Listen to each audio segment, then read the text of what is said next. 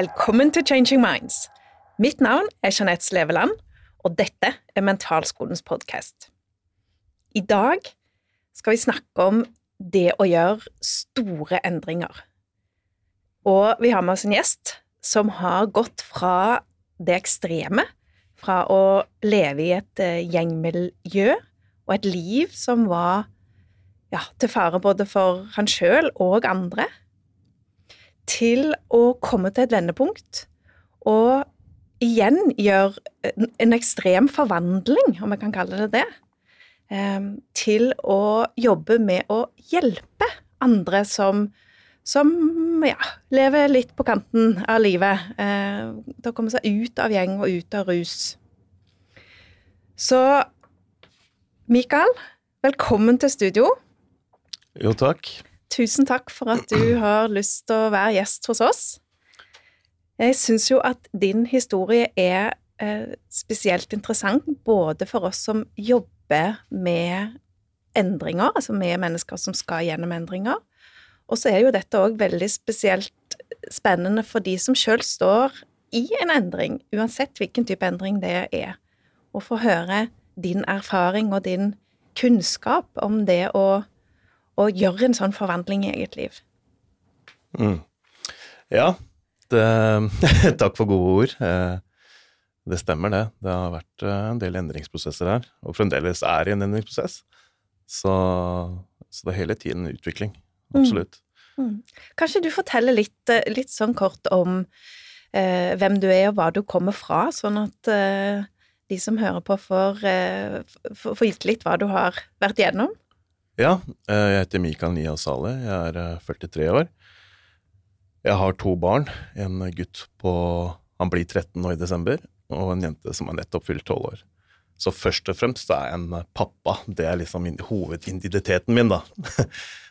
jeg er født og oppvokst i Asker, og det som er hovedtrekkene her, er vel at det var, det var en del mobbing på barneskolen. Eh, fordi jeg har en far som er fra Pakistan, og moren min er norsk.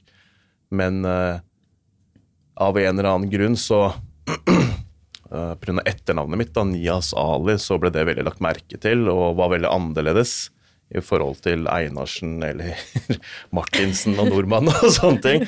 Men uh, det ble mye mobbing da, pga. etternavnet på den skolen, uh, som var veldig uheldig.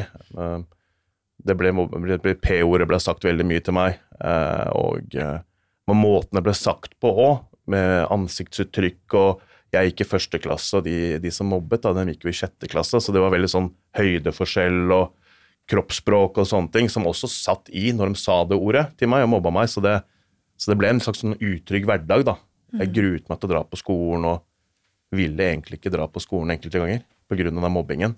Uh, og helt, helt, fra første klasse? Helt fra første klasse. Mm. Uh, så i tillegg så var det litt turbulent i hjemmet òg, så det også følte til at uh, jeg var kanskje ikke så konsentrert på skolen heller, samtidig med mobbingen.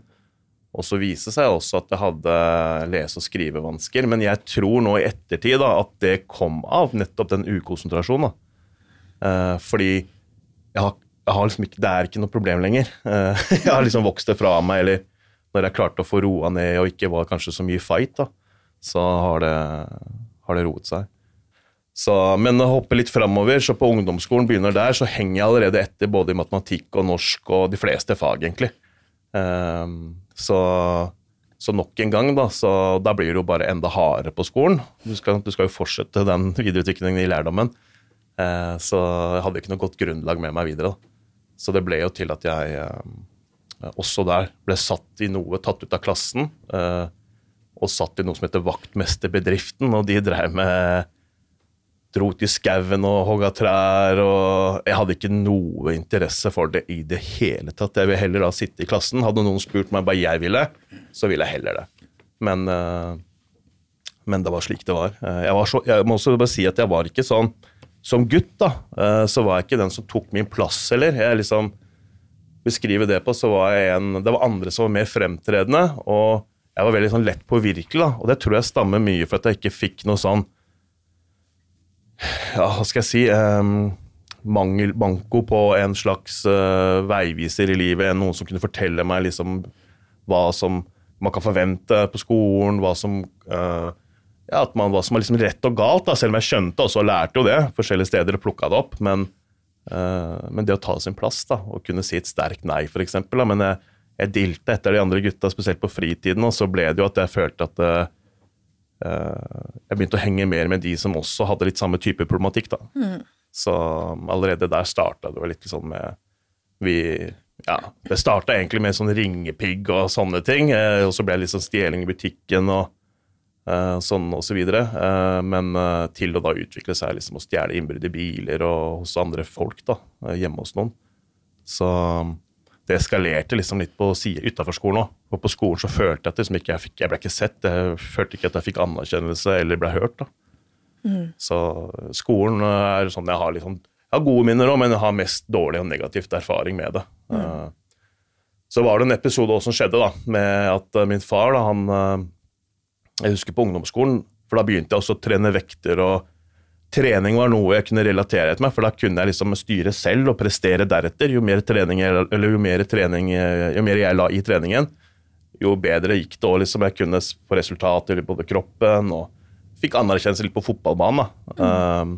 men men i hvert fall på ungdomsskolen så husker jeg at uh, ene, ene, læreren liksom, For pappa han var også interessert i politikk og holdt på med det. Uh, så han var litt mye borte og reiste osv., samtidig som han jobbet mye. Men uh, da kom læreren inn, og så sa han at Mikael, du må dra hjem. ok. Skjønt fikk ikke vite noe mer, men kommer hjem, da. Og så da sitter moren min og gråter. Da, da er det noen familiemedlemmer og noen naboer som er og støtter henne. Men uh, jeg får da senere tid vite at uh, pappa ikke kom hjem. da, altså Det gikk jo en uke, to. Uh, han var borte, bare forsvunnet. Og det husker jeg var en veldig sånn Det satte preg. Um, men så kom han tilbake, og så fikk jeg vite at han For jeg hadde sett pappa hadde sånn øks i bilen, bak i bilen, og da fikk jeg vite at han hadde blitt truet da, av enkeltindivider uh, i forhold til rasisme og sånt. At hvis ikke han betalte de penger, så kom de til å skade barna. Så politiet også var i bildet. Så, ja. så det var ganske sånn uh, igjen, Men igjen hjemme så snakket vi ikke noe mer om det. Det ble liksom her er uh, sjokolade, her er videofilm, og så fortsetter hverdagen. Jeg husker jeg tegnet sånn tegning, da, illustrasjonsbilde av det. at pappa var, for jeg fikk, liksom, Som barn så fanger det opp mye mer enn foreldrene tror. Så jeg var veldig sånn Ok, men hva var det som skjedde? Liksom, så, så, det var sånn tegningen var, besto av liksom at pappa leverte penger til noen slemme folk. da. Mm. Så, men det skapte veldig mye usikkerhet hos meg. da. Mm. Så, ja. mm.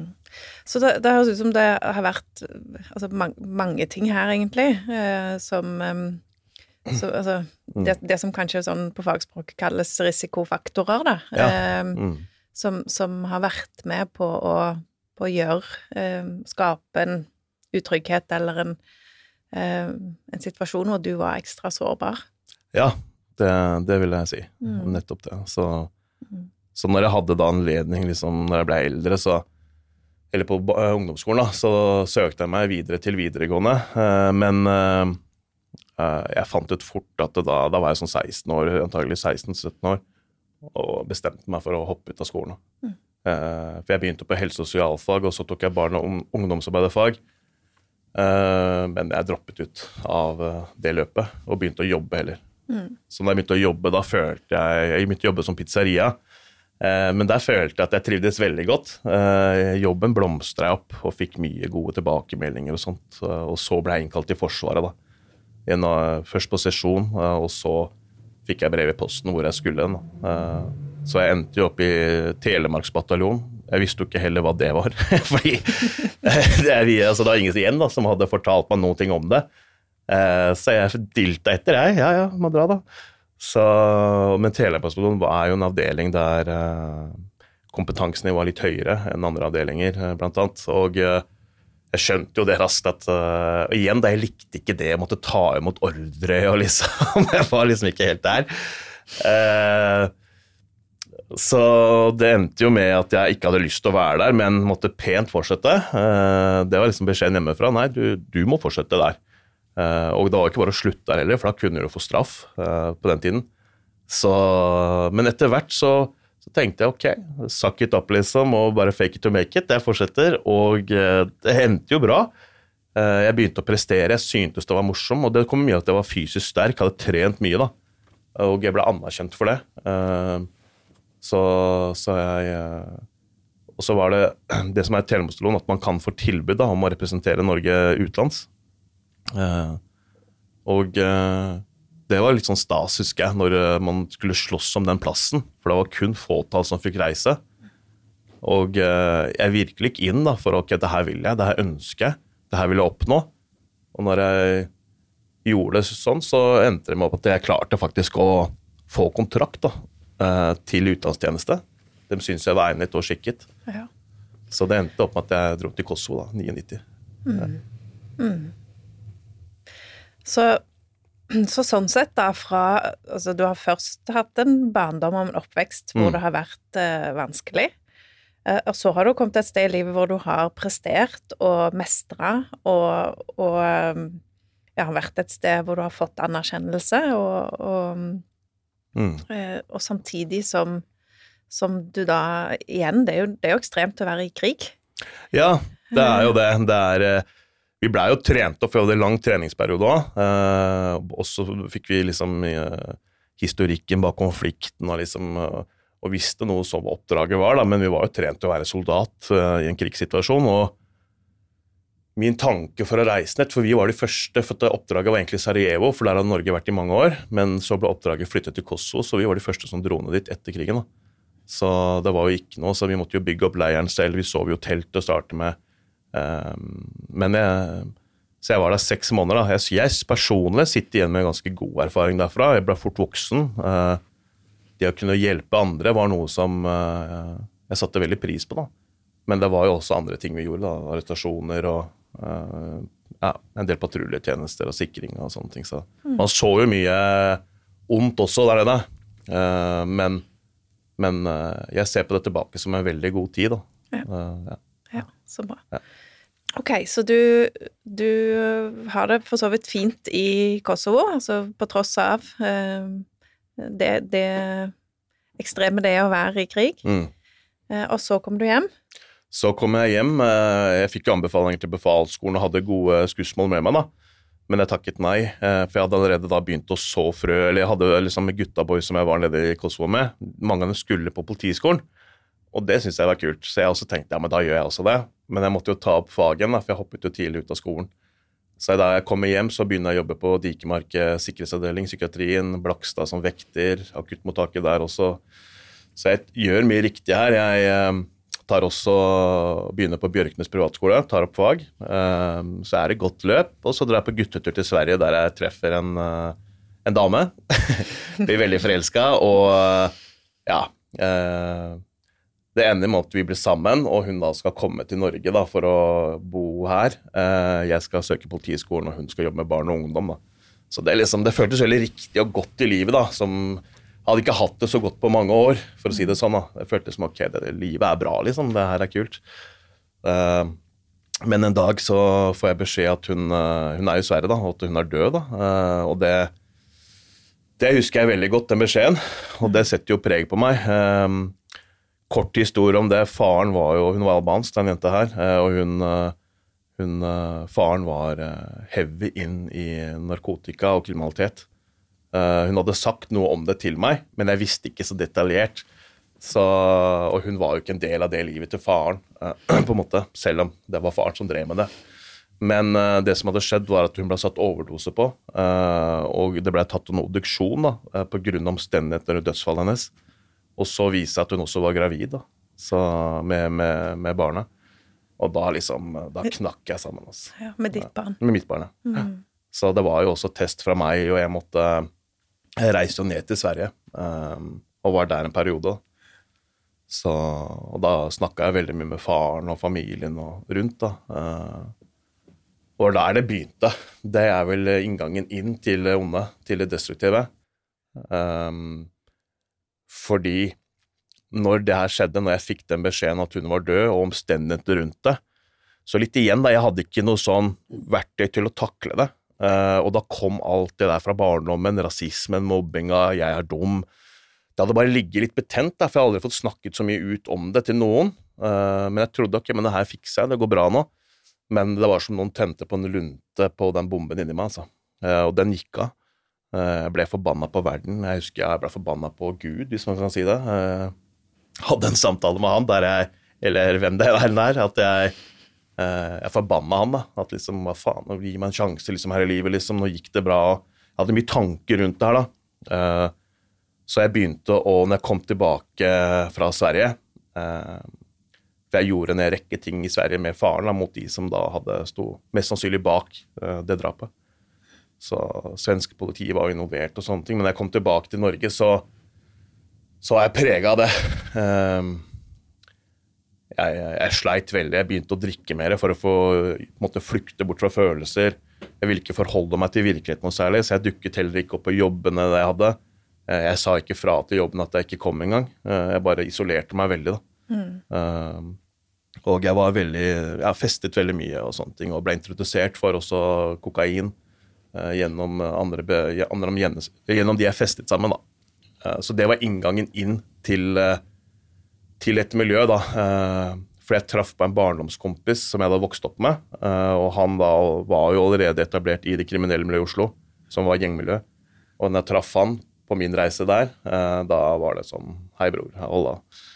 Ja, så, og I tillegg så hadde jeg militær erfaring og kunnskap med våpen og sånt, og det var jo en, en, en eh, noe de kunne dra nytte av da, i miljøet. Mm. Så, så, jeg var i gjengmiljøet. Jeg var der åtte til, eller jeg var der ni år da pluss. Uh, utførte forskjellige typer oppdrag og ja, jeg var jo selv eh, Det endte med at etter et par år jeg ble selv siktet da, for å ha skutt to stykker uh, i, i, Oslo. Og uh, endte opp i varetekt 13 måneder. Uh, ble frikjent og var i konfliktkrig da, med andre miljøer her i Oslo. Mange år. Det er jo nesten umulig for oss uh, utenforstående å fatte. Uh, altså alle de tingene du har beskrevet til nå, uh, hvilke ekstreme påkjenninger det må ha vært på hode og kropp for deg. Ja, det var um ja, det var ekstreme ting. Jeg, jeg husker liksom, når jeg var på vei inn i det destruktive, da Den indre stemmen min sa til meg at nå mister du deg sjøl, gutten. Så nå må du ta deg sammen. Nå er du på feil vei. Men jeg bare ignorerte overdriva og kjørte videre på. Mm. Jeg ville ikke høre etter og kjenne etter noen følelser mer. Mm. Så, så, jeg brukte mye rus òg, da, til å få flykte fra virkeligheten. Ja. Uh, så mm. mm. Og så ja. Eh, det er jo sikkert masse som har skjedd gjennom disse, disse årene, da, eh, mm. i, i, Oslos harde gjengmiljø. Absolutt. Men så kommer du til et eller annet tidspunkt her mm. hvor um, Et eller annet øyeblikk, et eller annet sted hvor du bestemmer deg for at Ja, hva, hva bestemte du deg for? Jo eh det miljøet er ganske hardt. Det er, eh, det er, ikke noe film, dette er virkeligheten. Det er ekte blod, det er ekte tårer. Eh, en av mine nærmeste venner ble lurt i en felle, han ble skutt og drept og brent i en bil her i Oslo. og eh, jeg selv var veldig sliten av de hevne, hevnaksjonene, og vi, vi, politiet oppsøkte oss og sa at der, dere skal drepes, det er pris på hodet til enkelte av dere. Og, så liksom det var ganske, ganske tungt, da. Men jeg ignorerte det, men jeg fortsatte. men vendepunktet ble altså Det var ikke bare én sånn spesiell hendelse, men det var sånn samla totalt. da. Jeg var veldig sliten psykisk og fysisk. Eh, samtidig Men hvis det er noe jeg skal trekke fram spesielt, så var det at hun kjæresten på det tidspunktet hun eh, var da gravid. Så jeg hadde en sønn på meg, fikk jeg vite. da. Eh, og det, det Da vekket en del tanker i meg. Ok, nå, nå hva, hvordan skal dette gå? For jeg hadde en rettssak i vente men når jeg fikk den beskjeden til hans sønn. Og i den rettssaken så kunne jeg risikere tolv år fengsel. Men jeg ble frikjent, mm. og så det var også et vendepunkt, den frikjennelsen. Og da var det sånn Ok, hva gjør jeg nå? Uh, for jeg var veldig glad i den gutta jeg var sammen med der i miljøet, og veldig tilknyttet, men jeg hadde en sønn på vei, da.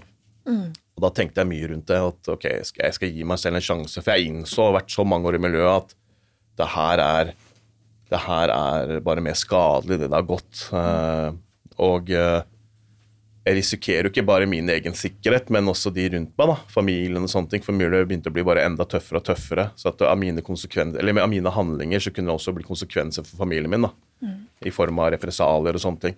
Så det var også med meg. Men, uh, men det jeg gjorde, var at jeg, jeg hentet, Det første var liksom Ok, det var tankene, og så ble det ord. Jeg sa det litt høyt for meg selv. Og så tok jeg handlingen, da. Og da ble det til at jeg søkte på Google, eh, tidligere gjengmedler, prøvde å komme i kontakt med noen som hadde klart å bryte ut av disse miljøene, men jeg fant ingen. Jeg fant litt sånn Bloods og Crips i USA, sånne andre type miljøer der. Så det var liksom ikke noe sånn nært gjenkjennbart. Men uh, jeg oppsøkte da fastlegen, da. Så det var liksom vendepunktet der at jeg dro til fastlegen min, uh, og han viste seg å være en veldig bra kar, da. Han, han valgte faktisk å gå litt mer utenom. og, og var med i møte med Nav osv., slik at jeg kom i gang, og alvoret rundt det her. Eh, så jeg begynte å legge, eller avla urinprøver da, to ganger i uken med tilsyn. Så noen står og ser på at jeg står og pisser i den koppen to ganger i uka. Mm. Uh, og så var andre tiltak at jeg begynte å gå til alternativ til vold for å få det med sinnemestring, og jeg var jo veldig aggresjon uh, i meg. Uh, og veldig traumatisert òg. Men det innså jeg ikke helt der da, men jeg skjønte at jeg hadde aggresjonsproblemer. At jeg var mm. veldig forbanna. Mm. Og det skapte mye problemer og situasjoner da, eh, i hverdagen. Ja. Så, ja.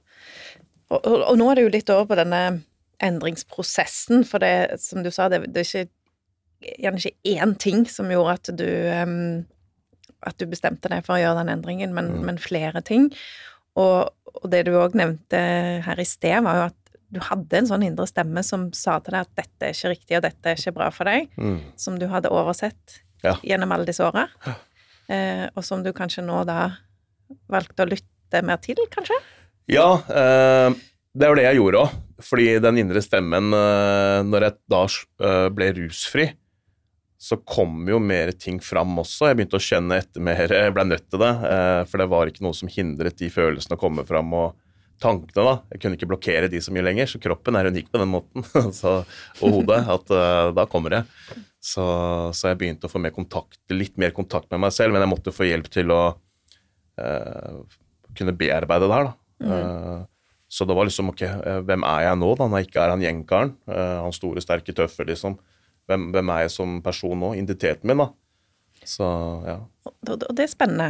Uh, for, for, for, når du tenker tilbake på det nå, da, mm. vil du si at du var en annen? Altså var identiteten din en annen da enn nå, eller er du samme, samme mann i Ja, godt spørsmål. Eh, hva tenker du rundt det? ja. ja. Interessant. Ja. Eh, interessant. Et, et, um, ja, vi kan jo La oss utforske det litt nærmere, da. For for identitet kan jo være mye forskjellig. Um, og blant annet så, så, snakker vi ofte om egenskaper eller eh, altså litt, litt, sånn væremåter. Mm. Um, så hvis du skulle trekke fram noen av dine typiske kjennetegn, altså dine, dine væremåter, mm. hva vil du trekke fram da? Det første som slår meg, egentlig, er sånn resilience i meg. At jeg har alltid hatt en sånn drive. Da, at jeg, jeg tror det kom med min jeg var liten, at jeg Uh, jeg, jeg, har stått i det, liksom. Jeg, jeg, vet hvordan det er å stå i ting. og da jeg var liten Jeg vet ikke om ja, for jeg, når jeg var liten, så lærte jeg liksom å blokkere ut en del ting. da. Uh, det var nesten sånn jeg skrudde av en bryter inni meg, og så kunne jeg liksom håndtere det. Eller håndtere og håndtere det, men jeg, eh, jeg fortsatte liksom da, videre framover hele tiden. Tok meg sjæl i det. Okay, kom igjen, gutten. Indre stemmen, liksom. Fortsett nå. Uh, så det var noe i meg jeg har fått med meg fra et eller annet sted, at liten fighter, da. Uh, så jeg føler at det liksom er at jeg, ja, jeg har gått på trynet, jeg har eh, vært mye deprimert og sånne ting, men jeg har liksom alltid reist meg opp igjen. da. Alltid liksom Ok, fortsett videre nå. Det er noe i meg, liksom, som uh, som tror på meg selv. Mm. Så Og, og religiens ja. handler jo nettopp om det. Mm. Det å, å, ha den der evnen til å reise seg igjen. Mm. evnen til å Altså kjenne på eller ta inn over seg òg det vonde, mm. uh, men, men, finne en vei ut av det. Ja. Um, mens i hvert fall sånn på fagspråket, da, innenfor psykologien, så For, for det, en del mikser òg litt det ja, ja. resiliens med å være resistent. Mm. For resistent beskriver kanskje mer det å ikke kjenne etter og bare legge lokk på det. eh, som om ikke noe vondt har skjedd. Eh, og du har vel kanskje både vært resistent og resilient, om jeg skal kalle det det. Ja, Det, ja det er gjenkjennbart når du sier det sånn. Det, jeg føler det, altså. Absolutt. Mm. Det har uh, Ja. Ok, så, så la oss uh, trekke det frem som en, en egenskap. Ja. Altså den evnen da, til å reise deg igjen, og til å ikke gi opp, og, og, og, og til å fighte, da, på, Mm. på godt og vondt, kanskje. Ja. Um, hva, hvilke andre egenskaper, eller hva mer? Ja, nei, jeg har jo eh, Det å spørre om hjelp òg, da. Hvis jeg kan i en eller annen form eh, At jeg tør å At jeg begynte å tørre det, da. At jeg innså at jeg, det her klarer jeg ikke alene. Det her takler jeg ikke alene. Mm. Uh, og det å kunne spørre om hjelp fra andre, det, det satt langt inne med meg, altså. Men, men jeg valgte til slutt å gjøre det. Uh, både hos fastlegen, hos psykologen jeg gikk til, Alternativ Vold, uh, og kurs jeg gikk på da, gjennom Nav. Mm. Uh, Så, så hvilken så er det Mm. mot? Mot til, til å be om hjelp, eller er det, det Ja. Det er noe med mot der, liksom. Eh, fordi til og med når jeg ble mobba på skolen og sånt, så dro jeg på skolen. Eh, jeg måtte jo selvfølgelig, men, men det var også Jeg kunne også bare lagt meg bare vært helt trass og tross og nekta. Men, eh, men, eh, men jeg fortsatte liksom igjen der òg. Mm. Så, så det er vel eh, eh, Jeg ble også det andre, da, for at den, når jeg var i disse, også i det miljøet, da, uh, gjengmiljøet, um, så følte jeg at jeg jeg var meg selv òg, liksom. For at det var ikke sånn jeg Jeg uh, hadde visse verdier der òg, da, med meg. Selv om jeg brøyt mange andre. Men, men uh, det var ikke Det var de gutta jeg var i konflikt med, som jeg da var i Eller kan kalle det en krig, da.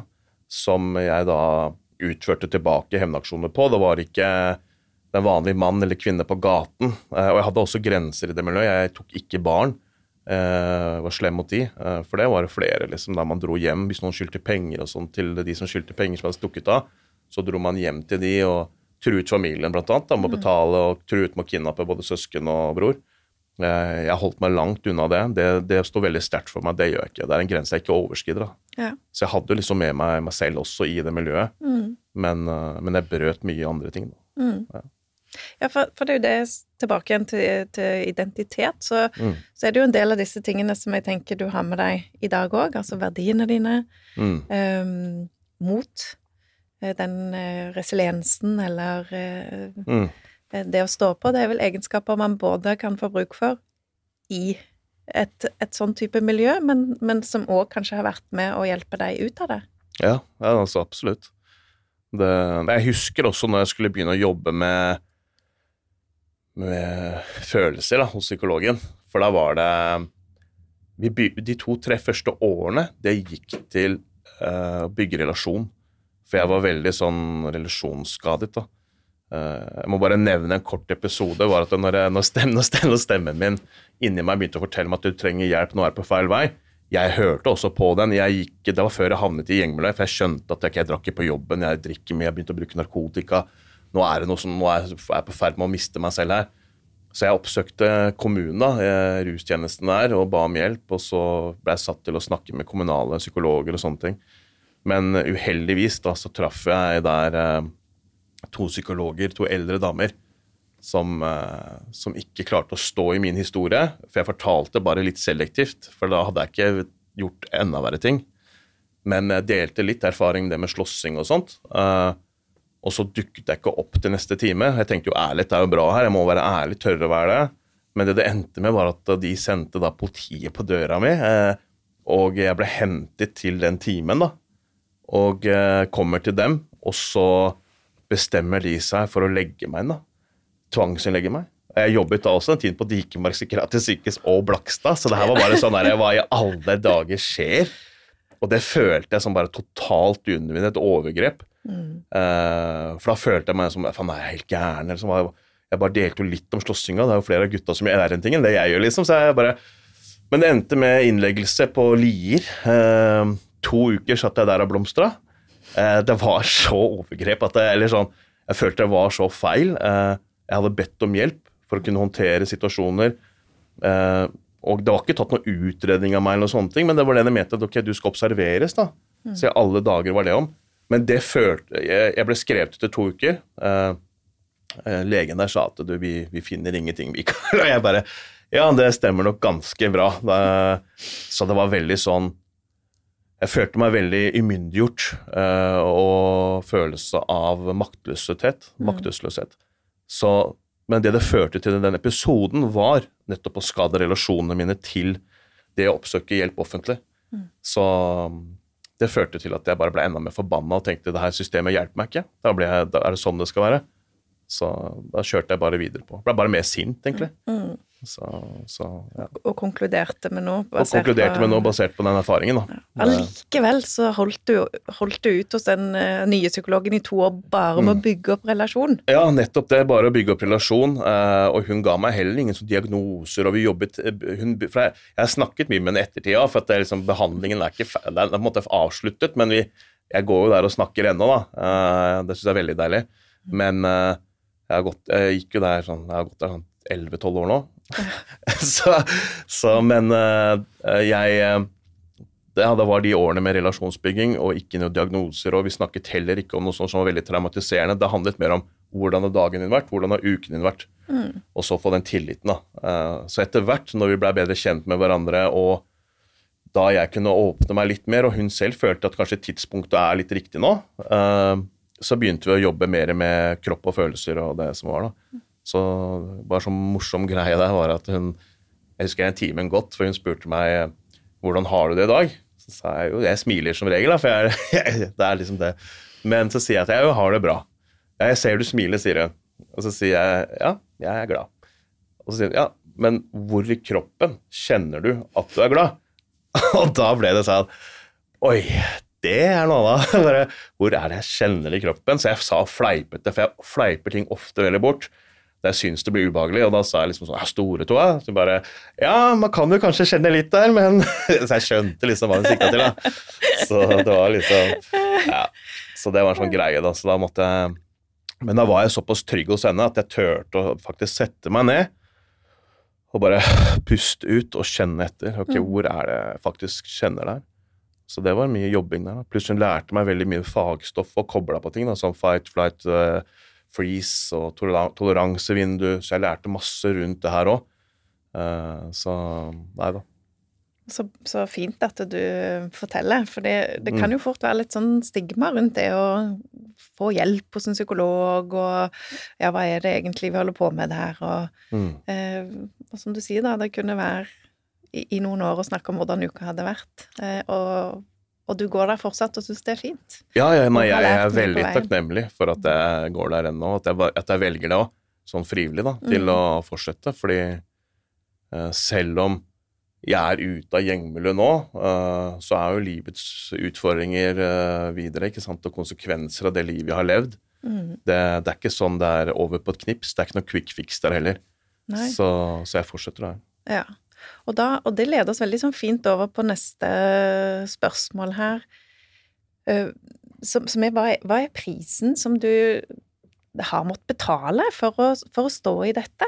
For For som Mm. du sa, det, ikke, det har ikke vært ett valg og, og, og, og en eh, avgjørelse sånn Nå går jeg ut, og så er det ferdig. Du, du er fortsatt i prosess. Og hvor mange, siden, hvor mange år siden er det Ja. du gikk ut? Det er den jeg forlot det, det er jo For det var litt sånn fram og tilbake. Mm. Jeg må ærlig innrømme det, det var ikke noe quick fix det heller. Så det, det er vel sånn ja, 10-11 år siden jeg forlot det. Mm. At jeg virkelig klarte å bryte helt, da. Så ja, det fortsetter. Det er eh, det, altså Konsekvensene av å ha levd det livet, da, Uh, vært så destruktiv, har jo ført til at uh, blant annet uh, La oss begynne med helsen, da. Når det gjelder rusen, så er det jo vært mye problemer med tennene pga. slitasje på emaljene og, eh, og sånne ting. Og eh, den har jo skada veldig mye, da. Eh, sånn, sånn på kroppen òg. blant annet med litt sånn leddproblemer, og jeg tror det er rusrelatert, og at det liksom har vært så påkjenning for kroppen. Mm. Men også sånn psykisk òg. at jeg kan merke til tider at jeg det er, Jeg vet ikke om jeg kan si det er angstlignende ting, men jeg, jeg kjenner at det, det er ubehag å være ute mye blant folk. da. Ja. Eh, det kan bli veldig mye for meg, og så trekker jeg meg heller litt tilbake. Um, og så er det jo det økonomiske, der uh, ja, man, man, man, må jo ta ansvar for handlingene sine man har utført der, men det blir også sånn man, Jeg var jo mye inn og ut av fengsel, så det er greit jeg sonet ferdig i fengseldommen, men um, man får også bøter, og de bøtene samler seg veldig opp med renter. Så den dag i dag så er det jo uh, betaler jo ned gjeld ennå uh, fra den tiden. Ja. Uh, til statens innkreving og det tikker inn påminnelser kontinuerlig, liksom. Mm. Det er liksom på, på, telefonen din, det er på e- mailer, det er i postkassen. Så det å stå i det, det, det er hardt i tider, mm. uh, kjenner jeg. Mm. Uh, og så er det jo et annet uh, sånn trusselbilde her òg, i forhold til det å forlate det miljøet. jeg var jo i konflikt med veldig mange, men da var jeg liksom en del av en gjeng da, der vi også søkte beskyttelse hos hverandre, men så velger du å forlate den beskyttelsen, og da står du der aleine. Ja. Eh, til og med noen av dine egne som jeg så på det før, da, var jo ikke særlig blide etter jeg forlot miljøet. Og så har du fiendene dine i tillegg. så har du fått vite av politiet at du skal drepes. Mm. Så det, det, var sånn Oi, det her er tøft. Mm. Uh, og i tillegg velger jeg å gå fram i media. da med å fortelle historien min. så det var ikke noe sjakktrekk. ja. Men det har vært veldig bevisst i det i media da, at jeg snakket kun om meg selv uh, og, og, episoder som jeg var i som jeg vet at ikke kan ramme andre. uh, Inkriminere andre her. Så, men det ble ikke godt mottatt av flere. Så jeg har fått tilbakemeldinger at liksom, ro deg ned i media, liksom. Ja. Uh, men det bare førte til at jeg gjorde enda mer. Så jeg liksom at det var noe, nei, ingen skal fortelle meg da, hvordan jeg skal håndtere det. For det, mitt, mitt, ønske og mål her var jo, nettopp at jeg stiller opp på sånne podcaster som det her, er å fortelle at det er mulig å bryte og gjøre en endring. Um, og så er jeg veldig ærlig på at uh, ja, igjen da, det er jeg inne på at det er ikke noe quick fix heller, men det er verdt det, da. Mm. Ja. Mm. Så, så, så, for de som, som um, har noen som de kanskje bekymrer seg for, Enten det er egne barn eller eh, en elev eller en nabo eller mm. en de er glad i. Um, og, og, og, hvor de kanskje mistenker da at nå er de på vei ut i et eller annet, eller er sårbare for å kunne gå den veien. Um, hva, hva, hva, kan de se etter, og hva kan de egentlig gjøre? Ja, um det her rammer jo alle ikke sant, når man er i sånne miljøer. Det rammer de nære venner, det rammer jo familien. Så det er jo flere ikke sant, Bare se på mine egne foreldre, hvor hardt det gikk inn på de. Eh, og påvirket også søsknene mine og sånne ting. Eh, også venner. Jeg jagde jo bort mange venner fra barndommen og ungdomstiden og militæret. da. De ville jo ikke være mer sammen med meg. Det skjønner jeg jo veldig godt. eh, det er jo litt sånn som jeg er nå at jeg måtte ta avstand fra de gutta selv for å komme meg ut av det, og ikke være innblanda i det, eh, de kriminelle. da. Mm. Så, så det, er, eh, nei, det, er, ganske tøft, det greiene der. Altså. Men uh, det er jo mange som tar kontakt med meg, spesielt også en del pårørende. Det som går litt igjen her, er en del mødre som tar kontakt og forteller om en spesielt sønn. da, Det er det som er. Det er, det er jo datter der ute, og, eller, men i hvert fall sønnen som det her har vært gjenganger. At han har rotet seg inn i noe kriminelt. da, og han skylder penger til et visst miljø. Mm. Og da spør de meg hva Vi er veldig bekymra. Det har vært folk på døra vår, Mikael, uh, uten at jeg vil si hvem, uten at de forteller helt. Men de forteller liksom så jeg skjønner nok, og så kan jeg spørre mer, da. Men Og de lurer veldig på. Spørsmålet er jo uh, Sønnen vår er borte nå. Han, han, er ikke hjemme. Han har gått i dekning. Uh, enten har de sendt ham bort for de som har råd til det, til noen familier eller et eller annet sted. men eller så har han selv bare trukket og stikket av, for han skylder penger til de gutta her, da, til det miljøet. Og da er spørsmålet liksom Vi er redd for å ta kontakt med politiet òg, for disse, disse, miljøene presser oss for penger nå. Eh, de vil at vi skal betale sønnens gjeld. Mm. Og den er liksom, det her snakker vi opp til sånn alt fra 20 000 til 500 000. Så det er ganske heavy summer. Altså. Ja. Mm. Uh, og det er ubehagelig å få disse gutta på døra. Uh, og de spør da skal vi kontakte politiet, Mikael. For hvis vi kontakter politiet, så er vi redd for at vi gjør det verre for sønnen vår. At, det, da vi, at politiet da, at det blir sånn tysting, på en måte. At det vil oppfattes sånn fra miljøet, og han vil, vil, da skades enda mer. Eller vi kan bli skadet. Hva mm. gjør vi? Og da tenker jeg ok, uh, hva, hva, gjør man da? Uh, men da er jeg veldig ærlig på at jeg, jeg, deler kun på bakgrunn av min erfaring. Jeg har ikke noe fagkompetanse sånn sett. Uh, men det jeg ofte endte med å gjøre når det er type den situasjonen, så anbefaler jeg å ta en samtale med politiet. Da sier jeg til dem at eh, dra til politiet, snakk med de, dere kan ta en uforpliktende samtale med de. Eh, og de har eh, god kompetanse, mange av dem, og de kan gi videre råd da, på hvordan håndtere den type situasjon. Ja. Så, så det er litt sånne ting. Det kommer litt helt an på hvordan situasjonen er. Eh, ja. Så, så hvis du tenker tilbake på deg, da, altså hva, hva kunne de rundt deg ha, ha merka på deg? Eh, og hvordan ville du at folk skulle brydd seg? Ja, eh, jeg har tenkt litt sånn når kunne man eh, Eller når, hvis jeg skulle ønske en situasjon, da, for når man kunne gått inn og hjulpet meg, så tenker jeg allerede på barneskolen at der kunne noen ha bare tatt meg til side og spurt hvordan går det hjemme, hvordan har du det? Altså så enkelt, men så vanskelig, liksom. Eh, jeg, for jeg tror jeg, jeg er ganske sikker på at jeg ville ha fortalt de ting da. At jeg ikke har det så bra. Uh, blir mobbet på skolen. Eh, det er turbulent hjemme. Eh, ja. Jeg, jeg, jeg tror jeg lengtet etter egentlig å dele det, hadde noen bare spurt. Jeg var ikke vanskelig på den tida. så jeg skulle ønske noen hadde bare turt å spørre meg der. Eller liksom eh, Ja, rett og slett. Og, og kunne det vært en vel som helst? Eh, Eller måtte det vært en du kjente som du hadde litt tillit til, eller du kanskje en eh, lærer, da, for eksempel, som kunne liksom fulgt det litt opp. eh, Eller eventuelt noen i nær relasjon. Mm. Eller, ja. Noe, noe jeg også husker, da, for å ta et øyeblikk der, var på ungdomsskolen, det var at jeg hadde en lærer der, da, og dette har jeg snakket med flere av de ungdommene jeg jobber med, og som er litt Det er type nesten på vei inn der jeg var, da. Eh, De alle sier det her, da, i en eller annen form, at de kan huske den ene personen som ga dem anerkjennelse.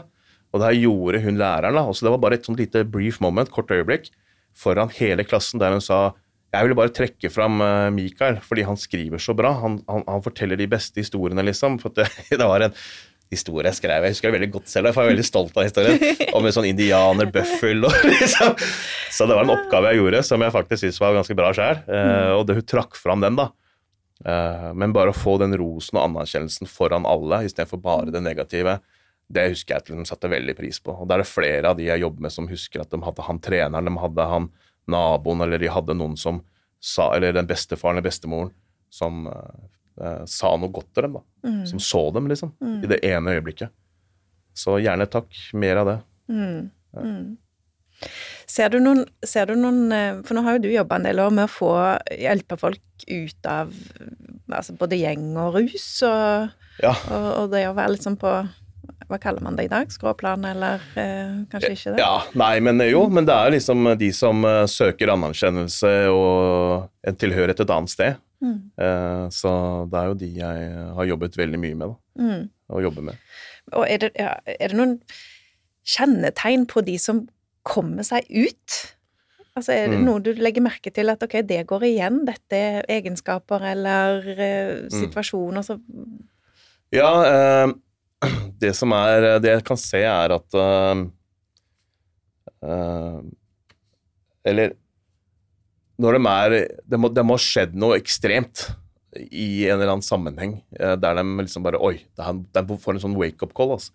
At det her var ubehagelig, eller at det var noe som, spe, som skjer. De, spesielt for de som er litt tyngre i miljøene. At det skjer en hendelse som virkelig setter et støkk i dem, preger dem. Og da får dem litt, da vekkes dem på en måte, da, motivasjonen deres eller viljen, eller at de skjønner at det her, det her kan jeg ikke være i. Eh, Og motivasjon i disse miljøene er ofte ganske ferskvare, så da er det viktig at man uh, tar gjerne kontakt når du har den motivasjonen, uh, med noen til noen, snakker med noen og kan få hjelp, altså. Uh, men det er den evnen til å litt den der, jeg vil heller, Så jeg går litt mer tilbake til den resilience. da, At man liksom har den evnen til å tørre å be om hjelp da, og, og ville seg selv godt. da, Og stå på, liksom. Fortsette. Fordi sånn som meg, da, når jeg eh, er ute av det nå, jeg har vært lenge, men jeg må hele tida minne meg selv på det store why. da, Hvorfor har jeg trukket meg ut, eller hvorfor, hvorfor velger jeg å fortsette da, hver dag? Å stå opp om morgenen, hva er grunnen til jeg gjør det? Eh, og det er eh, det svaret mitt, da, det er jo først og fremst barna mine nå. Det er grunnen til at jeg velger å gjøre det. Eh, og pluss at jeg, jeg vil jo meg selv godt. Jeg ønsker jo å, å ha et eh, best mulig liv, da. etter, den, etter, det, etter det, ja, det, jeg kan, da, i forhold til det jeg har opplevd og sånne ting. Mm. Så ja. ja. og det skjønner, skjønner de det, at altså selv om de velger å legge et sånn liv bak seg, så betyr det ikke at ting bare blir rosenrødt, og mm. at ting blir fint. Som du sier, du har jobba med deg sjøl gjennom alle disse årene, går til psykolog, det er Du merker det på helsa, på økonomien, altså, og du mm. velger likevel å, det livet fremfor å gå tilbake. Ja, det, er, eh, det har vært mange fristelser, altså. Som, eh, for jeg har ikke liksom dratt av gårde til et annet land eller gjemt meg noe. Så jeg treffer på disse gutta ennå, de miljøene og jeg jobber jo opp imot disse miljøene nå, så det er flere liksom som, eller enkelte, da, ikke flere, men som har tatt kontakt og gitt meg tilbud. da. Uh, vil du være med på det, bror, eller et eller annet? Og da har du en dårlig dag, et svakt øyeblikk, og du ikke er like sterk, og liksom Da har tanken vært der, altså jeg må innrømme det. At liksom, ja, vet du, nå, nå renner det inn min kassokrav, nå nå får jeg ikke se barna mine med liksom pga. at det har vært problemer der med samvær. og liksom uh, Livet generelt da gir deg utfordringer for alle, uansett. Så da, da, er det sånn Ok, men ok, tenk nå. Så da drar jeg gjerne fram et bilde av barna og ser på de, og får den påminnelsen av ok, dette er hvorfor. Fortsett nå. Uh, nei takk, jeg blir ikke med på det tilbudet, liksom. Så, så Pluss jeg har det mye bedre i hverdagen når jeg våkner opp. Hver eneste dag når jeg våkner opp, så av en eller annen grunn, når jeg er på toalettet, jeg vet ikke hvorfor, men da, da, det er en assosiasjon da, som jeg sitter og bare er sånn øyeblikk takknemlig på at jeg ikke er på et nachspiel eller er rusa. Bare sånn Yes, det er en ny dag, og jeg er ikke rusa. Det er bra. Dette er good. Så, men når kvelden kommer igjen, uh, og man har hatt en tøff dag, Uh, og man gjerne vil liksom, kroppen vil slappe mer av, man er kanskje mer mottagelig for andre impulser og sånne ting.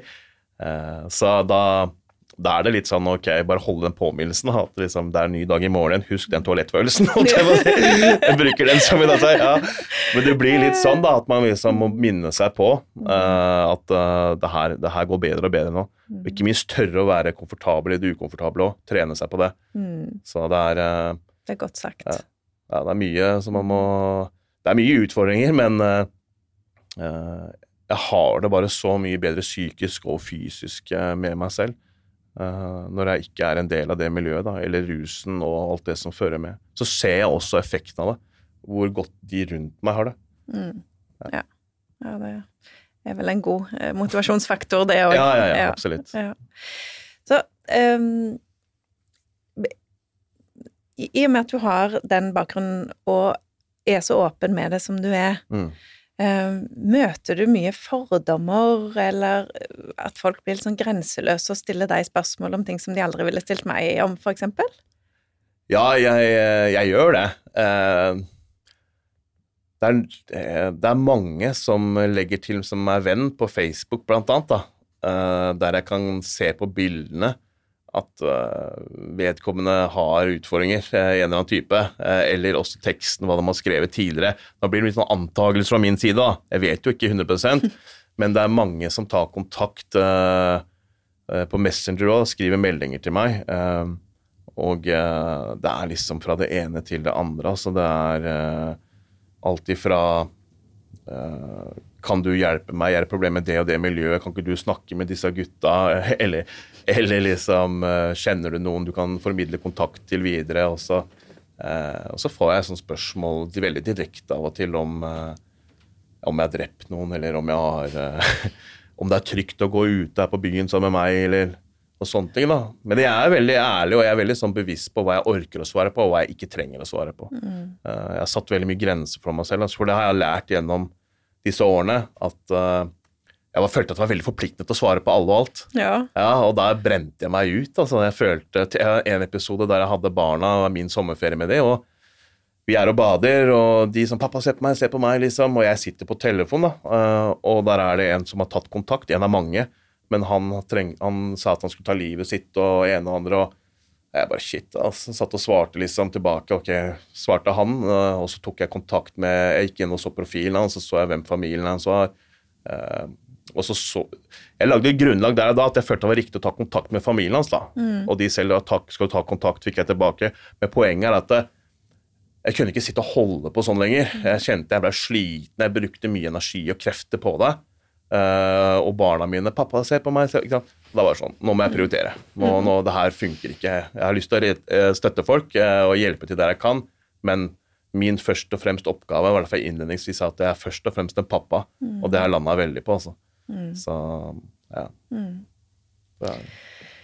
Sånn helt uh, mot slutten her, så, så lurer jeg på for, for det er jo Vi jobber jo med det å endre overbevisninger eller troer. Det er jo noe vi jobber mye med i coaching. Mm. Eh, og det kan jo være alt fra altså, å ikke ha tro på seg sjøl, eh, til å bygge opp det, til at vi har med oss noen sånne sannheter fra oppveksten eller familie eller eh, samfunnet vi lever i. Um, er der, eh, har du noen sånn spesifikke sannheter som du har måttet jobbe med å endre for å kunne eh, leve Mm. det livet du lever nå, da? Um, Ja, jeg husker jo Altså, jeg gikk jo eh, Du var jo læreren min nå, på coachteam. Det er det jeg har sagt. Så jeg husker jo at jeg eh, At eh, det var det er jeg, En sånn der påstand, eller hva man kalte det, som sitter igjen, da, at min, mine tidligere handlinger er ikke min identitet. Den sitter veldig hos meg. Den har tatt med meg videre derfra, blant annet. Uh, men uh, uh, Hva skal jeg si for noe? Jeg eh, Sannheter og sånt, hva, hva mer tenker du rundt det? Kan du hjelpe meg litt der? Med eh, ja, dette ble jo en antakelse igjen, da, Ja. men eh, for eksempel dette med eh, altså Du har nevnt at, eh, at det er veldig sånn bror.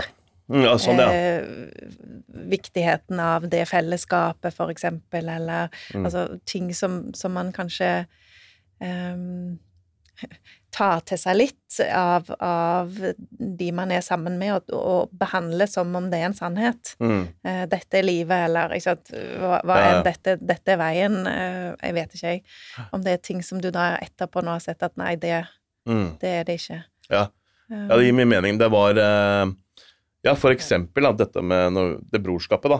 Altså, det var jo sånn at jeg gikk jo veldig inn for det. Eh, og støtte de gutta, de brødrene mine, som vi kalte hverandre.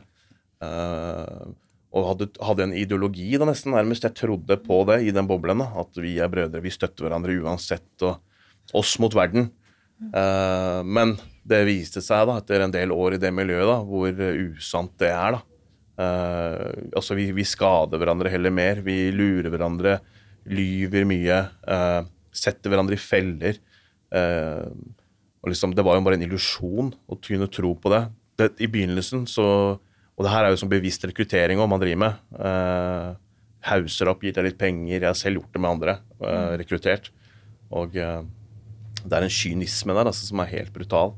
Men, men det, er en, det er noe jeg vil, ja, kan fremheve der, da, akkurat den der òg. Det, det stemmer ikke overens med virkeligheten. Det, det er ikke et eh, godt fellesskap. Det er ikke et godt brorskap. En bror er en som gjerne vil deg godt. da. Eh, det er min definisjon, da, og som gjerne vil støtte deg i det positive her i livet. I, riktig retning. Eh, en bror er ikke en som tar deg med på torpedooppdrag, gir deg gratis narkotika, gir deg våpen, trener deg til å bruke det våpenet, eller ringer deg når han trenger hjelp å kunne, for å skade andre mennesker.